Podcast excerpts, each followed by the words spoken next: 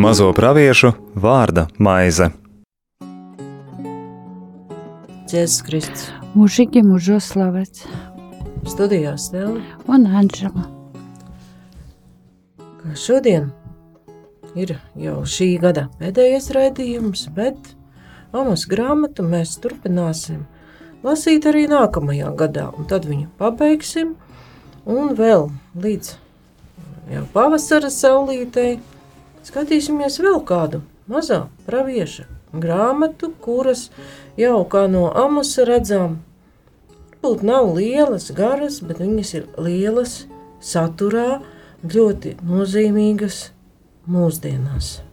Bet šodien turpināsim lasīt amusa grāmatas septīto nodaļu no 10. panta līdz beigām, kur amus ir Bēteles priestera amacijas priekšā. Un sākas tas viss ļoti mūsdienīgi.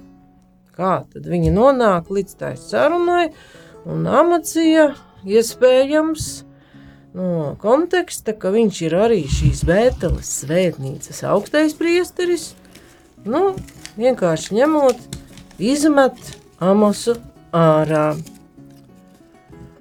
Niekams runāt ar amusu, Bētelis priesteris amacīja dara tādu ļoti pierastu un vienkāršu lietu. Viņš pasūdzas, viņš par amusu sūdzas valdniekam Jerobeamam otrajam. Izraēla ķēniņam un lika viņam sacīt, sūta ziņu, tā tad liek sacīt, Amas skūda Izraēla ļaudis uz dumpi pret tevi Zeme vairs nevar paciest viņa vārdus. Un lūk, Amos bija teicis, Jerabēms mirst no zobena, un Izrēlu aizvedīs projām no viņa zemes gūstā. Un šis pants tā ļauj saprast, ka it kā attiecas to, ko Amos tiešām teicis, Varētu būt, ka tas attiecas arī uz to, kas bija rakstīts vai teikts tajā ziņojumā. Bet kā tad priesteris Amacija sāk savu cīņu ar Amosu? Ja mēs skatītos tekstu iepriekš, ko tad Amos īsti teicis, vai mēs varam atrast, ka Amos tautu kūda uz dumpi, pret Jerobeāmu otru? Šķiet, ka ne. Amos runā par tām sekām, kādas piedzīvos tauta, kura nepilda dieva likumu un ir atkritusi no kunga. Bet viņš nekādā gadījumā nekūda tautu uz dumpi pret valdnieku. Un tā tad arī šeit Priesteris amacīja, lai risinātu situāciju savā labā un tiktu no tā nevēlamā pravieša, kurš runā gaužām nepatīkamas lietas vaļā, lieto tādu vienkāršu paņēmienu, viņš melu ar nelielu patiesības piedevu. Kā var teikt, rīkojas īsti pat mūsdienu, un garākā nereti rīkojas pat plašsaziņas līdzekļi, kādi nolīdzināta zeme. Neliela daļa patiesības, jā, Amos tiešām tur ir, viņš runā ļoti nepatīkams lietas, bet fakti ir sagrozīti un pasniegts ķēniņam tā, kā Amos skūda uz dumpu.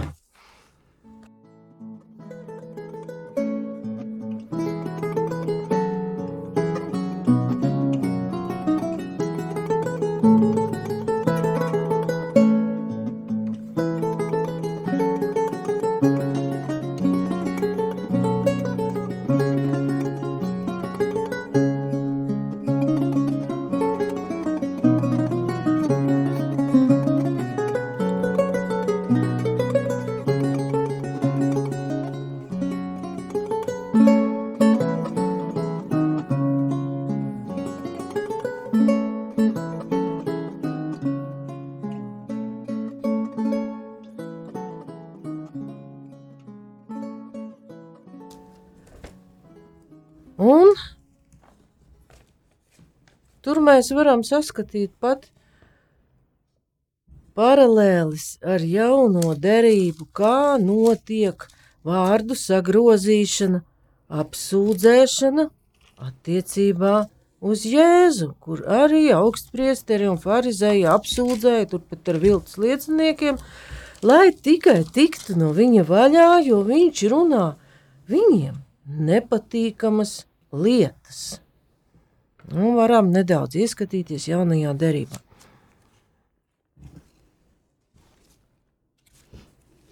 Kurā vietā tu skatīsi? Piemēram, Mateja evanģēlijā mēs varam palasīt 27, 13.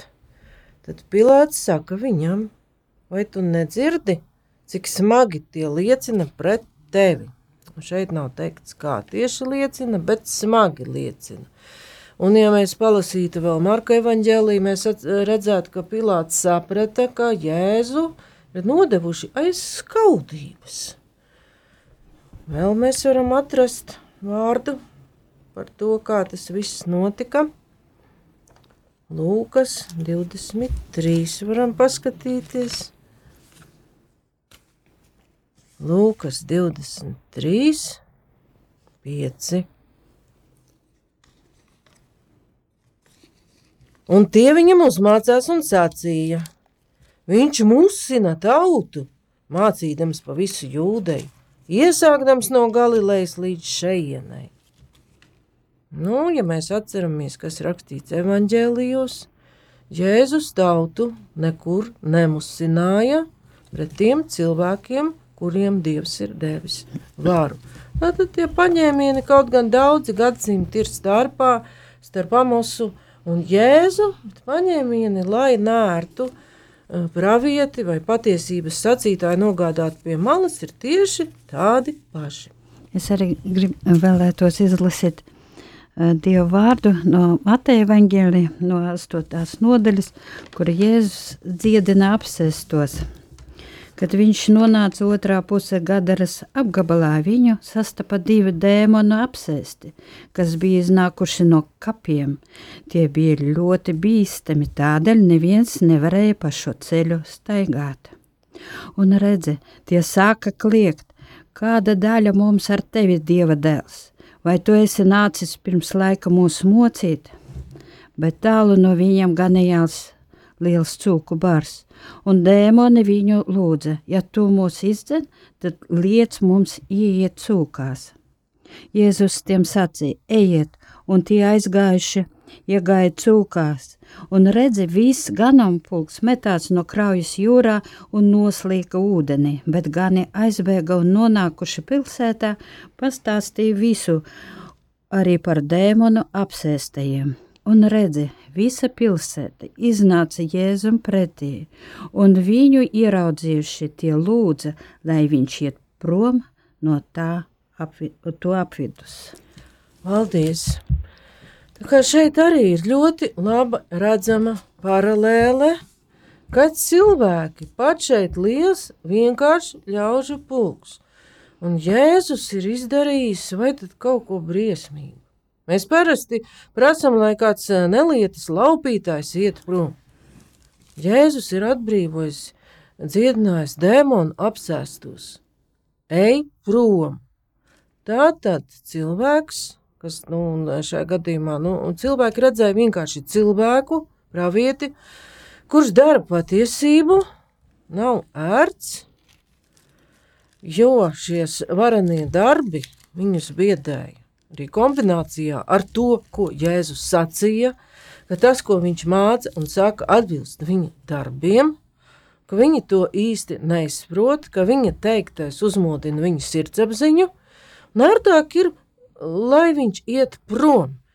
Un tieši tāpat kā arī Amacija tālāk pa, pasaka Amosam, ej tu prom.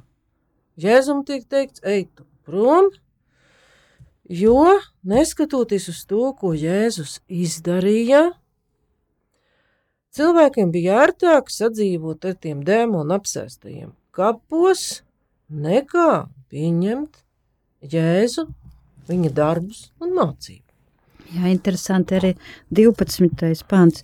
Un amats Jāhus sacīja Amosam, redzētai, ej un beidz uz jūdas zemi, ej tur savu maizi un pravieto tur. Paldies!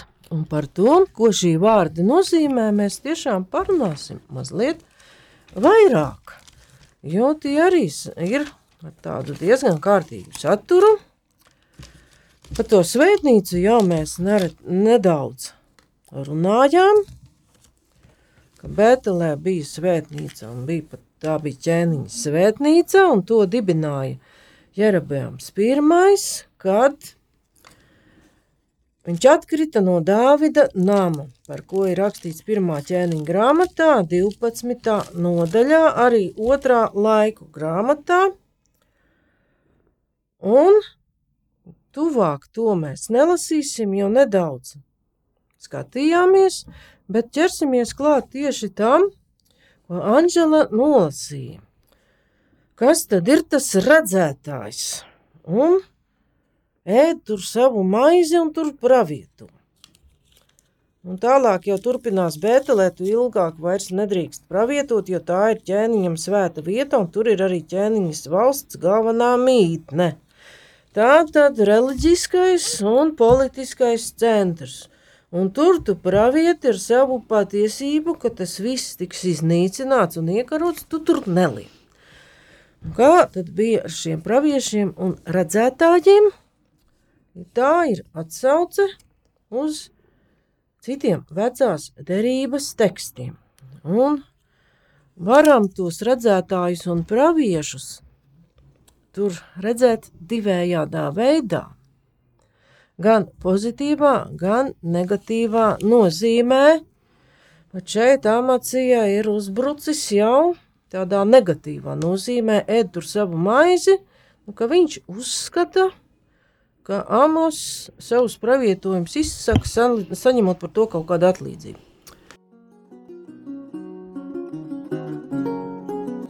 Un pirmā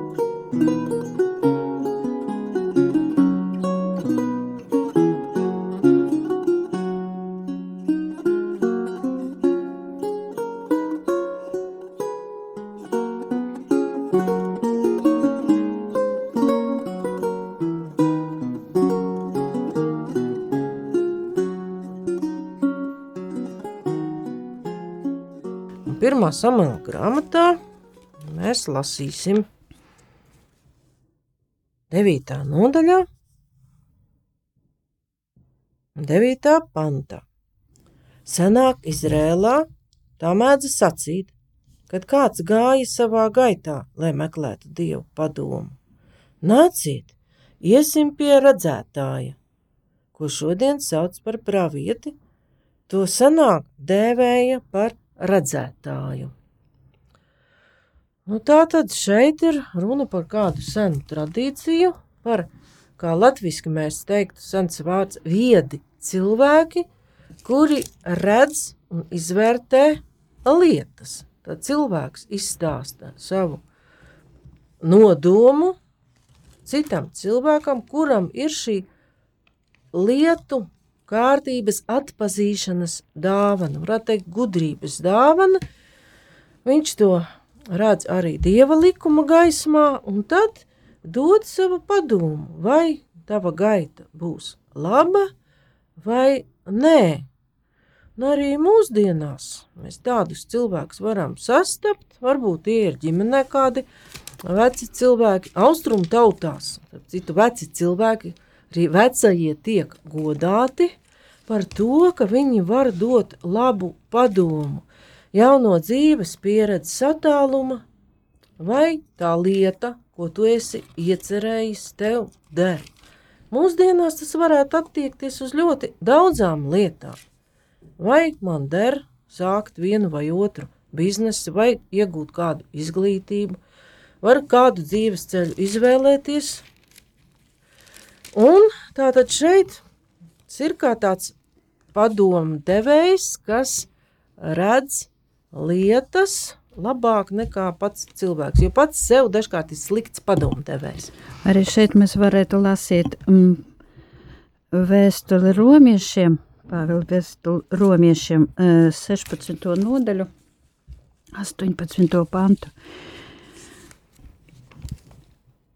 Es jūs lūdzu, brāļi, uzmaniet tos, kas rada šķelšanos un piedaudzību pret to mācību, ko jūs esat mācījušies, un izvairieties no tādiem, jo tādi nekalpo mūsu kungam Jēzum Kristum, bet gan savam vēderam un ar pieglaimīgu runu un skaistiem vārdiem pieviļ vientiesīgo sirdis. Paldies! Tātad par pilnu vēdru. Arī runā to, kas cilvēku ausī ir tīkams. Un vēl varam pievērsties arī tam pozitīvajam aspektam. Otrā samēla grāmatā 24. nodaļā, 11. pantā mēs lasām, ka Dāvids nākamā rītā cēlās, tad tā kunga vārds atklājās pravietim gadam, Dāvida redzētājam, sacīdams: Noej pie Dāvida un saki viņam, tā saka tas kungs, trīs lietas es tev lieku priekšā, izvēlies vienu no tām, es tev to darīšu. Tātad šeit varam redzēt, ka šis pravietis gads rīkojas godprātīgi, viņam atklājas kunga vārds, tātad viņš nodod tālāk ķēniņam kunga vārdu, bet tajā pašā laikā Dāvida redzētājs tātad viņš piemājo Dāvida galmā, un var saprast, tātad, ja viņš dzīvo Dāvida galmā, tātad viņš saņem arī no valdnieka vēdera tiesu. Un kaut gan te mēs redzam, kā pravietis gads rīkojas godprātīgi, tas vēders jau ir tāds liels kārdinājums, šie materiālie labumi, kas ļoti ātri var ievest pravieti kārdināšanā, pravietot to, kas valdniekam nu, ļoti patīk. Vēl mēs varam lasīt arī vārdu, ko uzrakstījis Iesaja, kurš arī redz un brīdina no melīgu praviešu bariem, kas runā to, ko cilvēki grib dzirdēt. 28, 7 un arī 29. nodaļā mazliet būs. 28, 7. Pravietis izsais sludina, bet arī viņi grīļojas vīna piedzēruši un stipra dzēriena apdulināti. Priesteri un pravieši, kas vīna un stipra dzēriena apreibināti kaut ko mult, pravietodami un tiesu spriestami. Un tā tad no labas dzīves jau ir nodzīrojušies tik tālu, ka mūld, pat pravietojot tiesu spriestami. Tā tad paši neatšķir, ja tas vārds muldē, tā tad viņi paši nesaprot, ko viņi saka. Un arī 29. nodaļā pravietis Isais 10. pantā runā par šiem praviešiem, kas runā to, kas patīk kunga ausīm. Jo tas kungs ir izlējis pār jums dziļa miega garu un aizdarījis jūsu acis, praviešus, un aptumšojis jūsu galvas redzētājus. Tātad šie tautas varanie jau ir dziļā miegā, un te ir vēl Šis teksts parāda pravieša uzdevumu, jūsu acis pravieši. Tad redzētājs, acis, tad pravietis ir aicināts būt tas, kas redz, kur lietas un cilvēku darbība atbilst kunga likumam, vai kur tie neatbilst, un ir aicināts to pateikt arī ja tas nav patīkami, un arī šeit aptumšojas jūsu galvas redzētājus. Tā jums visa atklāsme kļuvusi, kā aizīmogotas grāmatas vārdi, ko sniedz lasīt pratējam un saka lasīt to. Un viņš atbild, es nevaru to lasīt, jo tā ir aizīmogota. Un šeit var saprast, ka kungs ir pat aizvērs šo dāvanu praviešiem un redzētājiem, kuriem tā ir dota.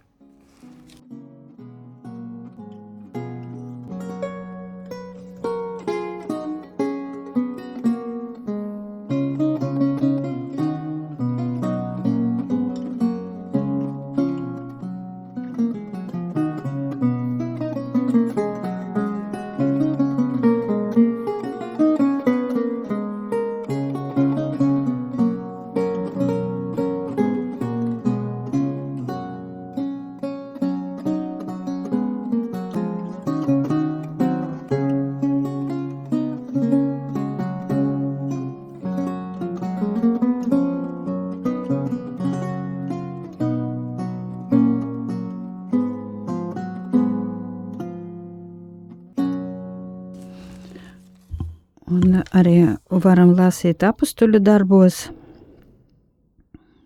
piektajā nodaļā, kā, evaņ, kā apstuļu darbos rakstīts, kā tiek aicināti apstuļi vi, pa viņu kalpošanu. Atbildot Pēteris un apstuļi sacīja, Dievam jāklausa vairāk nekā cilvēkiem. Mūsu tēvu Dievs uzmodināja Jēzu, ko jūs nonāvējat, pakārdami pie krustakoka. Dievs ar savu labo roku viņu ir paaugstinājis par valdnieku un glābēju, par, lai Izrēlam dotu atgriešanos un grēku piedošanu. Vēlreiz sākumu. Ja.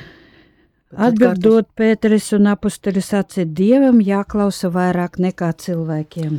Paldies! Tad arī šie vārdi ļoti precīzi pasaka praviešu aicinājumu. Klausīt Dievam un runāt tos vārdus, ko Dievs liek pravieša mutē. Un šeit Amosam jau visas nepatikšanas sākas, tāpēc, ka viņš Dievam klausa vairāk kā cilvēkiem un cilvēku piedāvātam izdevīgumam. Un vēl lasot tekstus vecajā derībā, mēs redzam, ka ar šo klausīšanu dievam vairāk kā cilvēkam nereti gāja pat ļoti grūti. Arī pravietis Miha runā par ļaunprātīgajiem valdniekiem un maldinātiem praviešiem. Tā kā viņi, gan ļaunprātīgs valdnieks, gan maldinātais pravietis, kā redzam, ir salikti vienā katlā, tā kā roku, roku mazgā. Tā trešā nodaļa, pat, varam teikt, piektais pants. Ļoti precīzi raksturo tādu uz, uzpirktu pravieti un sasaucas ar priesteru amacīs vārdiem, ko viņš saka par pravietu amos. Tā saka tas kungs par praviešiem, kas maldina manu tautu. Tie sludina mieru, kad tiem ir ko ēst. Bet tur, kur viņiem neko nedod mutē, pret tiem viņi izsludina karu. Tādēļ, lai klājas neziņas nakts pār jums bez kādas paredzēšanas, un lai pār jums mīt tumsa bez kādas nākamo lietu izmaiņas, lai saule noriet pār šiem praviešiem un lai pār viņiem aptumšojas diena. Tad redzētāji stāvēs nokaunējušies un zīlnieki cerības vīlušies nosargs, un visi viņi paslēpsies savās bārdās, tādēļ, ka Dievs neatbild. Un no priestera amacijas teiktā mēs varam saprast, ka viņš amusu ir pieskaitījis tieši pie tādiem redzētājiem, kas redz un pravieto pa vēdera tiesu. Un viņš viņu dzen prom, mēja maizi, ēd citur. Un šeit eh, es varētu izlasīt vēl no pravieša Jeremija grāmatas par uh, maldu pravieti Hananiju. Un pravietis Jeremija teica pravietim Hananijam, klausies nu, Hananija, kungs tevi nesūtīja, un tu līki šai tautai paļauties meliem. Tādēļ, tā saka kungs, redzi, es tevi patriekšu no zemes virsas, jau šogad, e, šogad tu mirsi, jo nepakļāvīgi tu runāji pret kungu, un pravietis Hanaņa nomira tā paša gada septītajā mēnesī. Paldies! Kā redzam, kungs pret šādu viltus pravietošanu ir ļoti bargs, jo tā aizved cilvēkus postā, un arī pravietis Secihēls runā par dieva spriedumu viltus praviešiem. Varam palasīt 13. nodaļas sākuma pantus. Un atkal par mani nāca tā kunga vārds - cilvēka bērns. Sludini pret Izrēla praviešiem, saki tiem, kas pravieto no savas pašas sirds. Klausieties tā kunga vārdu. Tā saka tas kungs, vēdas tiem sirdsapziņu zaudējušiem praviešiem, kas seko savam pašu prātam un nav nekā redzējuši. Tavi pravieši Izraēli ir kļuvuši kā lapsas sagrautos mūros. Viņi nav stājušies priekšā plaisājumiem sienās un nav cēluši mūri ap Izrēla namu, lai tas varētu pastāvēt cīņā tā kunga dienā.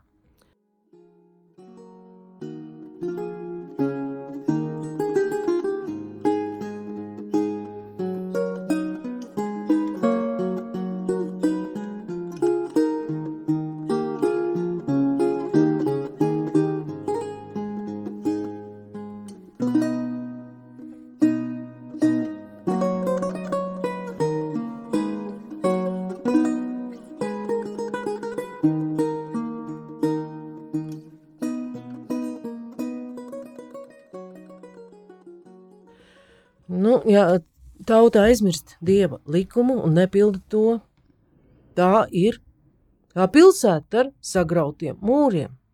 Un praviešu uzdevums ir atjaunot cilvēku sirdīs šo dievu likumu, bet viņi to nedara.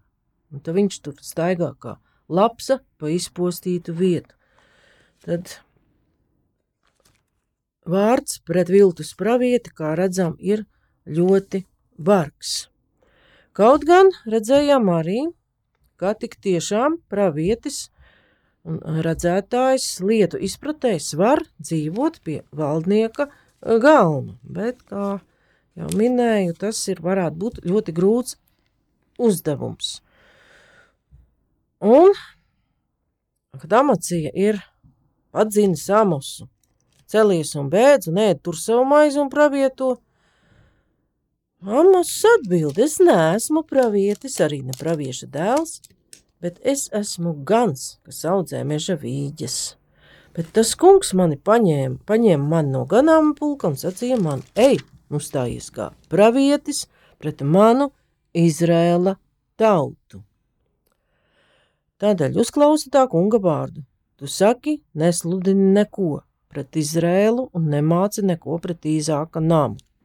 Tad Amos atgādina Amacijam viņa vārdus, ka viņš faktiski liek Amosam tā prasti sakot turēt muti un pie viena pasaka, kas viņš tāds ir. Pirmkārt, ka viņš nepiedar pie tādas praviešu mācekļu grupas vai praviešu dzimtas, praviešu ģimenes vai praviešu dinastijas. Un nevienmēr tas ir jāsaprot negatīvi. Pravietis Isais arī, teikt, radīja veselu praviešu skolu. Pravietis bija viņš pats, arī viņa sieva ar praviešu dāvanām un dēli, viņa pulcējās mācekļi. Tāpat Mēs varam redzēt šo praviešu pēcsacību, ja lasītu otro ķēniņu grāmatu, otro nodaļu, 1 līdz 15 pantu vai 5 nodaļu, un varam redzēt, kā Elīsa saņem no Elija pravieša dāvanas, tātad māceklis, tam mums atgādina, ka viņš tam visam pat tuvu klāt nav bijis. Viņš ir vienkārši gans. Un kā mēs varam saprast ganu, mēs par to esam runājuši jau agrāk, Un viņš ļoti vienkārši paskaidro, ka kungs paņēma mani un sacīja man, ej un uzstājies kā pravietis pret manu Izraēlu tautu. Tātad Amos apliecina, ka viņš ir saņēmis šo pavēli no paša kunga. Un pašās beigās, 17. pantā, viņš tomēr pasaka priesteriem amacijam, tāpēc, ka tas kungs saka pret tevi tā. Tava sieva kļūs pilsētā par netikli, un zobens nesīs nāvi taviem dēliem un tavām meitām. Tavu zemi izmērīs ar mērījamo auglu un izdalīs. Un tu pats mirsi nešķīstās zemē, bet Izraels tiks vestin aizvests projām no savas zemes. Te varam saprast, ka Amos iespējams runā arī pa paša amacijas likteni. Vārds vismaz tā ļauj noprast. Un šis pasludinājums attiecas uz asīriešu iebrukumu, kad tiešām tautu aizved gūstā un daļu Ziemeļu karalistes iedzīvotāju aizved gūstā, ja asīriešu ķēniņš Tīglata pavasars jau 300, 734. gadā pirms mūsu ēras. Kā tā mēs esam aplūkojuši šo Amusa konfliktu ar Amaciju, sapratuši, kādā veidā Amus tika un teikt, netaisni apsūdzēts. Iespējams, ka Jerabēms arī saprata taisnību, jo var noprast, ka viņš nekā nereaģēja. Bet nākamā reizē jau mēs lasīsim nākamās nodaļas un tālākos praviešu amasa redzējumus. Bet šodien paldies par uzmanību. Studijām bija Stela. Un Anšela. Izskanēja raidījums Mazo praviešu vārda maize.